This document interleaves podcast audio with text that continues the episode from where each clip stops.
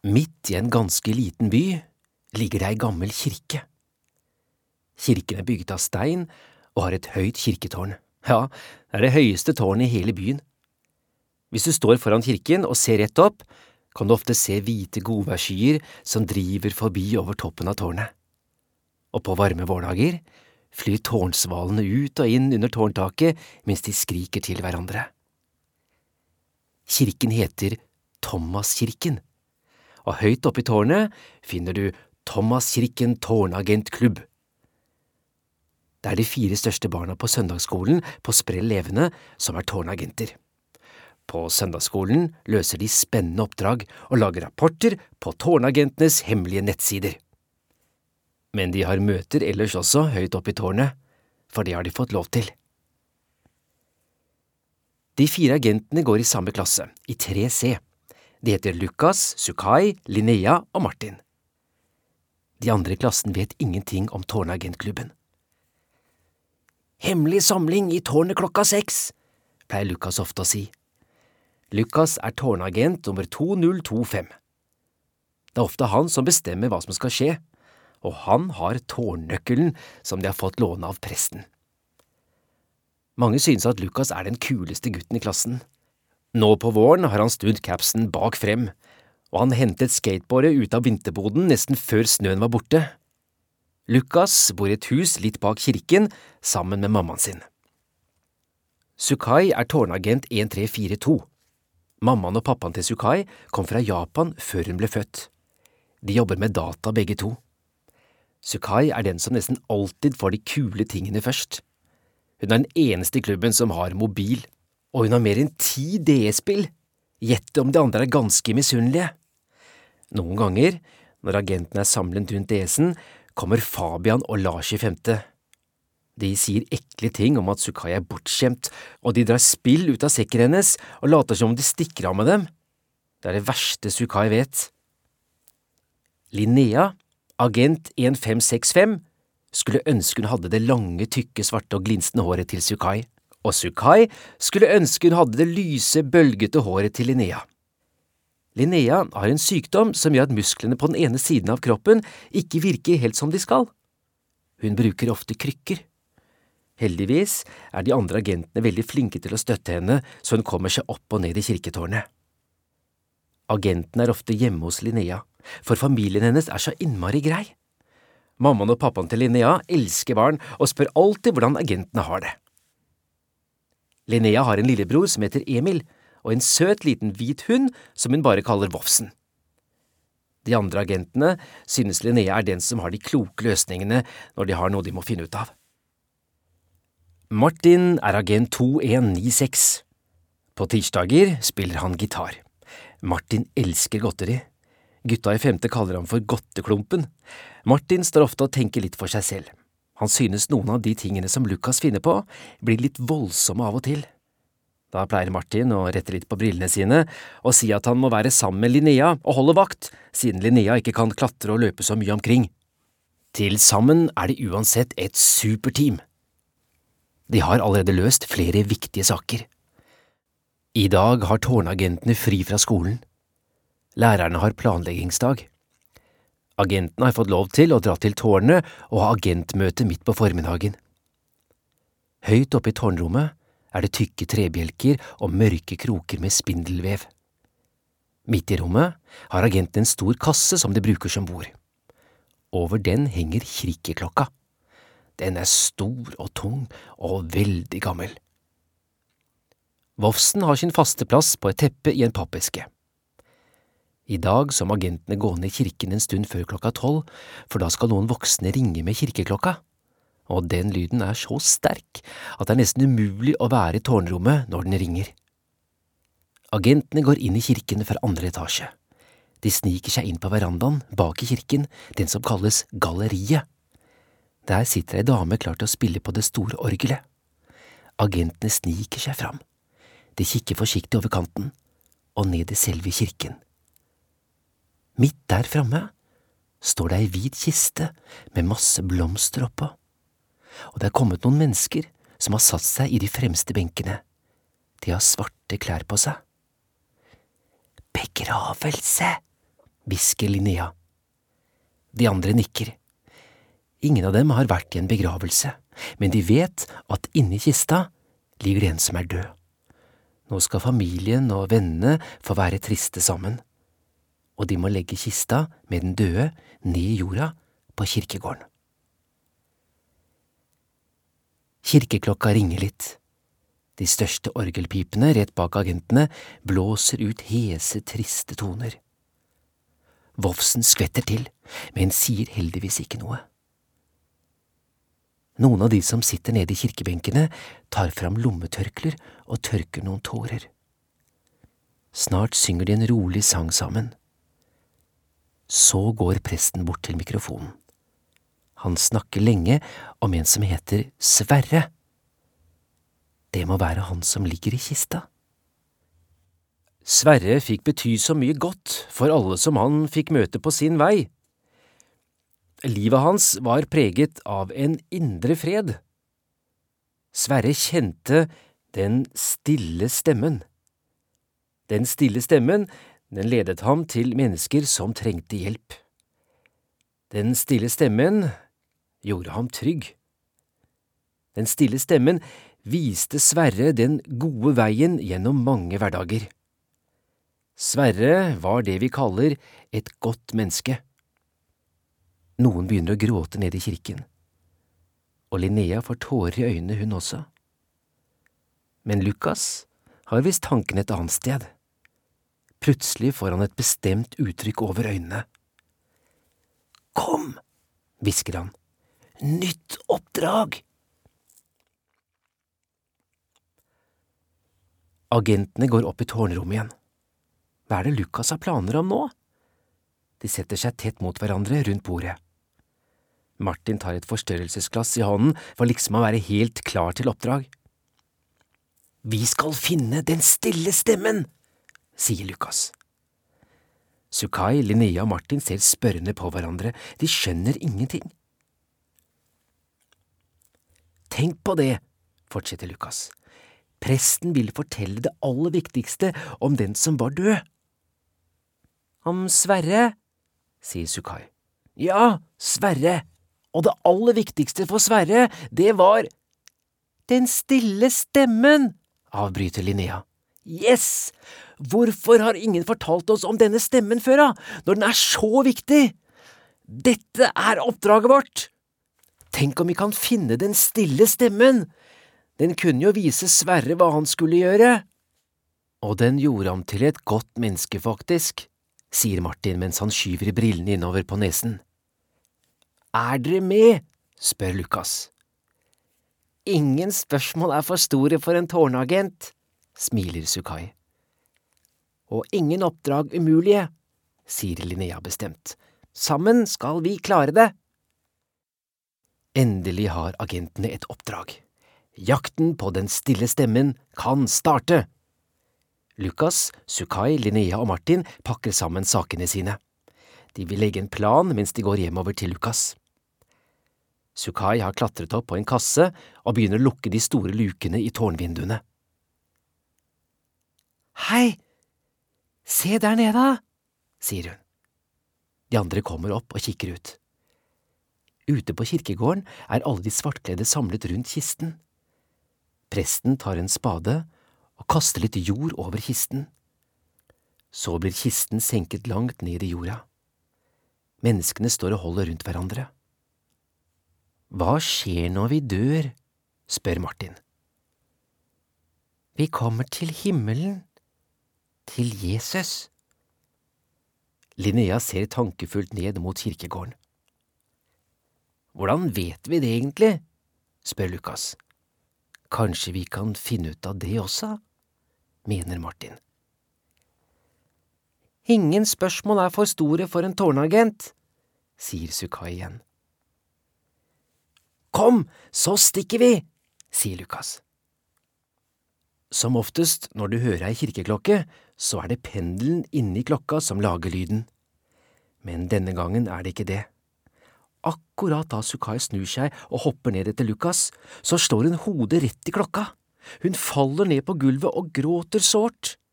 Vi må gjøre noe, sier Linnea litt redd. Hun har satt seg ned og stryker forsiktig over Sukai sitt hode. Hun holder på å få en kjempekul. Se her, sier Lukas. Han fisker fra mobilen til Sukai fra jakkelomma hennes. Agentene får ringt til Sukai sin mamma. Ikke lenge etter hører de en bil som bråbremser i grusen utenfor kirken. Mammaen til Sukai kommer løpende opp i tårnet. Hun trøster Sukai, og hun finner ut at de må dra til doktoren. Starten på det nye oppdraget blir ikke helt slik som agenten hadde tenkt. Lukas, Linnea og Martin går litt stille hjemover mot Lukas sitt hus. Håper ikke Sukai er alvorlig skadet, sier Martin. Kanskje vi må finne den stille stemmen uten hjelp fra henne, sier Lukas. Plutselig får de noe annet å tenke på. Se her, da, hva Vofsen fant, sier Linnea. Hun peker med den ene krykken mot noe som glinser i veikanten.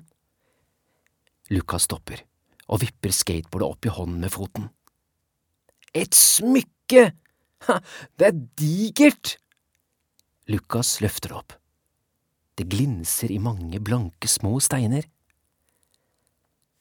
Agentene blir enige om å ta det med til gullsmed Hansen. De blir kjent med Hansen etter at det hjalp ham å finne smykkene han mistet i det store smykketyveriet. Men først låser de seg inn i Lukas sitt hus og finner fram brød og jordbærsyltetøy. Mens de spiser lunsj, ringer telefonen hjemme hos Lukas. Det er Sukai. Godt at du er i farta, sier Lukas. Vet du, eller, vi fant et digert smykke på vei hit, masse mysterier på en gang. Jeg er ikke i farta, svarer Sukai trøtt. Jeg har fått en kraftig hjernerystelse. Jeg må være borte fra skolen i mange dager, og jeg må ta det med ro lenge, og så må jeg slutte å snakke nå. mm, skjønner, sier Lukas. Linnea ser på Lukas med vidåpne øyne, som om hun mener han bør si noe mer. «Ehm, god bedring, da. Lukas legger på telefonen. Ser ut til at vi må klare oss uten agent 1342. Det er mandag ettermiddag. Sukai ligger i sengen, det ringer på døra. To ganger. Kraftig. Lyden skjærer i ørene og gjør det vonde hodet til Sukai enda vondere. Dere kan ikke besøke Sukai nå, hører hun at mammaen sier. Så hører hun stemmen til Lukas. Men det er kjempeviktig, vi har gode nyheter! Mammaen rekker så vidt å si at de må iallfall være forsiktige før Lukas stormer inn til Sukai. Linnea Martin kommer smilende etter. Vovsen hopper opp i senga til Sukai og slikker henne i ansiktet. Husker du smykket? spør Lukas. Det var kronprinsessen sitt, fortsetter Linnea. Faktisk, avslutter Martin mens han henter opp rosa og grønn colaflaskegodteri fra lomma. Vent litt. Sukai setter seg opp i sengen mens hun holder seg til hodet.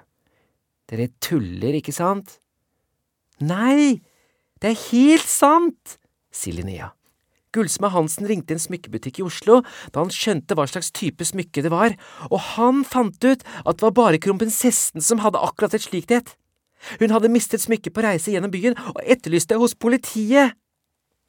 Og nå er vi invitert hjem til henne, utbryter Martin. Hun vil takke oss. Mamma kjører oss dit om noen dager, og du kan selvfølgelig få være med. Hjem til kronprinsessen? Sukai vet ikke helt hva hun skal tro. Jeg er ikke så syk at dere trenger å finne på noe tøys for å oppmuntre meg.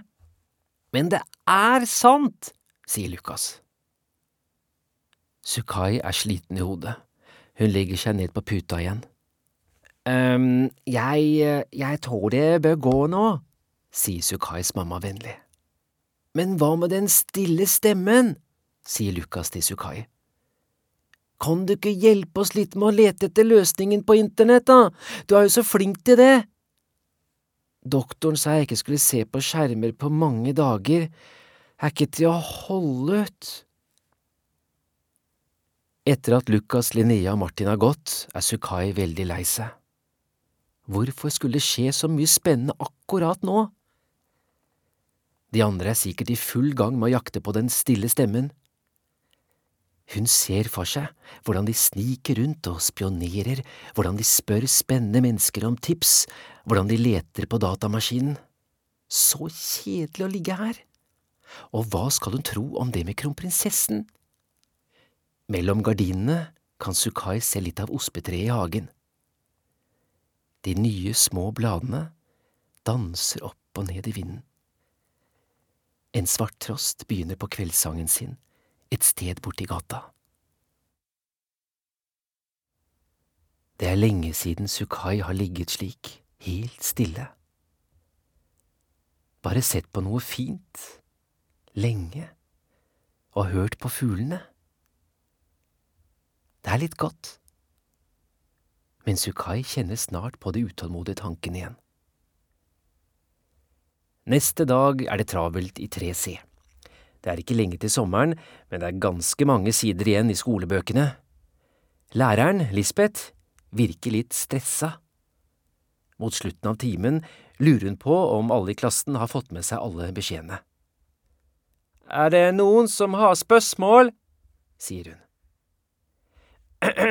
ja, øh, hva skjer når vi dør?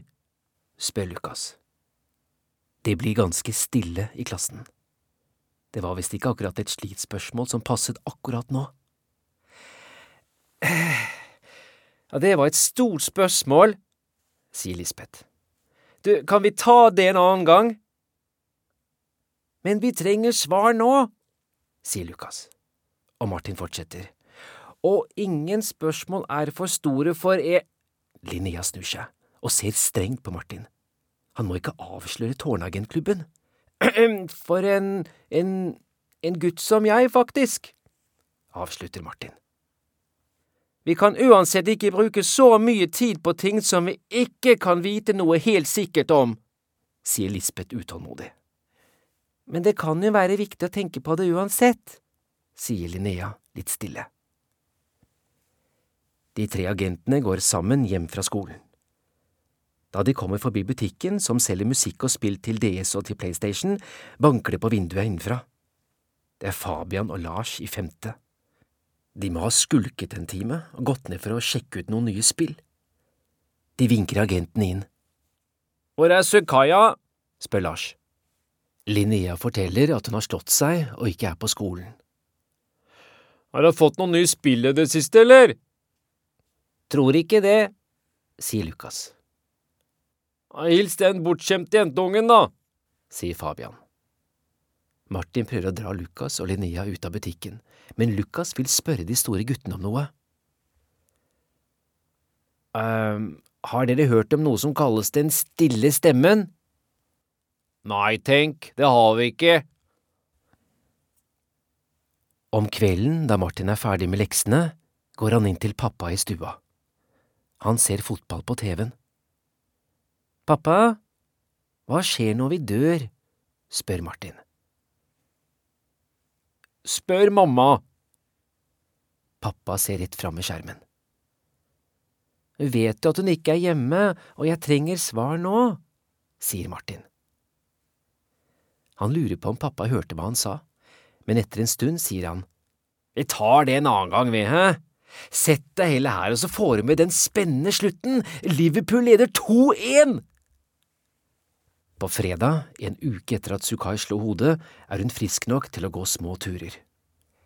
Doktoren har sagt at det bare er fint med litt frisk luft hvis hun ikke leker for mye eller er på skolen.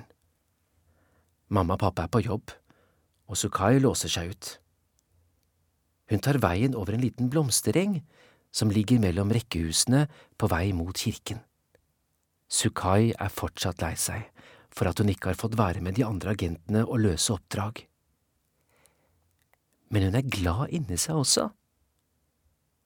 Hun har fått god tid til å tenke alle tanker. Hun er helt seg selv på en måte. Hun har gått over denne blomsterenga mange ganger, men nå ser hun liksom alle blomstene på nytt. Hver eneste en er så fin. På en av blomstene sitter det allerede en liten sommerfugl. Den er skinnende blå. Sukai tenker for seg selv. Så rart at bare akkurat jeg i hele verden kan se denne vakre sommerfuglen. Det er som om det er en gave, bare til meg. Sukai har fått låne nøkkelen til tårnet av Lukas, men kirken er åpen. Hun går inn på galleriet. Det er den samme damen som sist som spiller orgel. En mann som spiller fiolin, smiler litt overrasket til Sukai når hun kommer inn, men fortsetter å spille. Hun setter seg fremst på galleriet og ser ned i den tomme kirken. Når sola skinner gjennom glassmaleriene, stråler de alle farger i rommet. Sukai tenker på det som har skjedd den siste uken, og på blomstene, og på den blå sommerfuglen. Av og til kan jeg kjenne på en kjærlighet inni meg som jeg ikke vet hvor kommer fra. Er den der gjennom hele livet, egentlig? Og gjennom døden? Sukai går opp i tårnrommet. Det er litt mørkt. Det kommer bare smale striper av lys inn gjennom sprekkene i vinduslukene. Men i dag kjenner Sukai seg trygg. Bibelen ligger på kassa. Agentene pleier å bruke den når de løser agentkryssord i Barnas Bladet. Hun åpner den uten å tenke på hva hun skal lete etter. Sukai tar fram forstørrelsesglasset med lys på og begynner å lese. Fortellingen hun finner, handler om Gud, Herren, og en som heter Elia.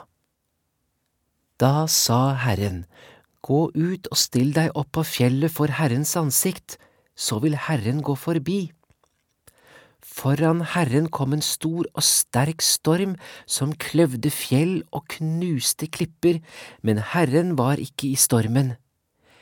Etter stormen kom et jordskjelv, men Herren var ikke i jordskjelvet.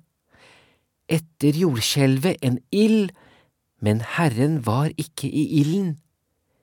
Etter ilden lyden av skjør stillhet. Da Elia hørte den, dro han kappen for ansiktet. Sukai lukker boken. En skjør, forsiktig stillhet. Er det mulig at… Dette må hun fortelle de andre. Sukai skynder seg ned. Hun må komme seg bort til Lukas før han kommer hjem fra skolen. På søndagsskolen et par dager senere viser Anders, søndagsskolelederen, en spennende tegnefilm. Den handler om det som skjedde i slutten av påska i Jerusalem. De fire tårnagentene får se at disiplene har stengt seg inne i et lite hus. De er redde. Jesus var død, men Peter og Maria Magdalena sier de har møtt ham levende. De sier at han har stått opp fra døden. De andre disiplene vet ikke hva de skal tro. Men plutselig står Jesus midt i rommet sammen med dem. Han sier, Fred være med dere. Disiplene blir kjempeglade når de får se Jesus men det er én disippel som ikke er sammen med de andre når Jesus kommer til huset. Han heter Thomas. Når de andre disiplene forteller at de har sett Jesus, tror ikke Thomas på dem.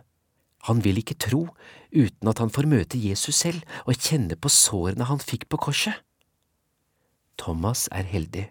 Til slutt får han også møte Jesus, og han får kjenne på sårene hans. Da tror han. Jesus vet visst at det er mange som ikke får se han på ordentlig. Han sier at de som ikke ser, men tror likevel, de er lykkelige. De skal være Jesus sine venner alltid. Så er filmen slutt. Nå kan alle på søndagsskolen fargelegge et bilde fra filmen i Barnas Bladet, eller høre på litt fin musikk mens de tenker på filmen. Sukai vet akkurat hvordan Thomas hadde det før han fikk møte Jesus igjen. Det er ikke alltid så lett å tro på noe selv om de andre sier det er sant. Hun tar fram den blåeste fargen hun finner, og tegner inn en sommerfugl på fargeleggingstegningen. Anders lurer på hvorfor hun tegner en sommerfugl. Det er fordi Gud er glad i meg. Alltid, sier Sukai. Etterpå snakker de sammen, og Sukai forteller til alle om sommerfugltegningen sin. Nå er visst tida der for å spørre om akkurat hva man vil, og Lukas sier, Er det sant at vi også skal bli levende igjen etter at vi dør? Godt spørsmål. Hva tror du selv? spør Anders. Jeg tror kanskje det, svarer Lukas. Men vi så en kiste med en mann som ble senket til jorda, og det virket ikke som han skulle bli levende akkurat. Jeg tror at vi skal få livet tilbake, sier Anders. Jeg tror det er sant at Jesus døde og sto opp igjen. I Bibelen så står det om mange som fikk treffe Jesus etter at han var blitt levende, han viste seg for 500 på én gang, til og med. Og vi kan jo også lese at alle vennene til Jesus skal stå opp på samme måte som Jesus sto opp, og ha en kropp som er for alltid. Vi har det omtrent som Thomas hadde det en stund, sier Sukai. Vi får kanskje ikke se Jesus, vi kan bare stole på andre som har sett ham. Men kan vi kjenne Gud og kjenne på hva som er sant på andre måter enn å lese i Bibelen? lurer Anders på nå. Da kunne det jo være litt lettere å tro. Agentene kikker på hverandre. Vi har gjort noen undersøkelser, sier Sukai. Hun tar fram en liten loggbok som hun skriver ned hemmelige agentsaker i og hun leser. Jakten på den stille stemmen. Løsning. Hvis jeg er ganske stille, ganske lenge altså, så kan jeg se og høre Gud i alt som er vakkert, og kjenne mer at Gud er i hjertet mitt. Og da er det lettere å vite at Han er på ordentlig, og at Han er glad i meg. Gud er som en stille stemme, en stille stemme som minner meg på hva det gode er. Oppdrag utført. Sukai ser på de andre. Det synes i hvert fall jeg. Alle agentene er stolte over det de har funnet ut, og Anders er tydelig imponert. Du verden, dere holder på med mye spennende der oppe i tårnet. Det var et vanskelig oppdrag og en spennende løsning. Det var Sukai som fant det ut, nesten alene, sier Lukas. Ja, med litt hjelp fra kirkeklokka, sier Sukai og holder seg til hodet. Ingen spørsmål er for store for en tårnagent, faktisk, smiler Martin. Søndagsskolesamlingen nærmer seg slutten. Men for tårnagentene har dagen så vidt begynt, de har en prinsesse å besøke.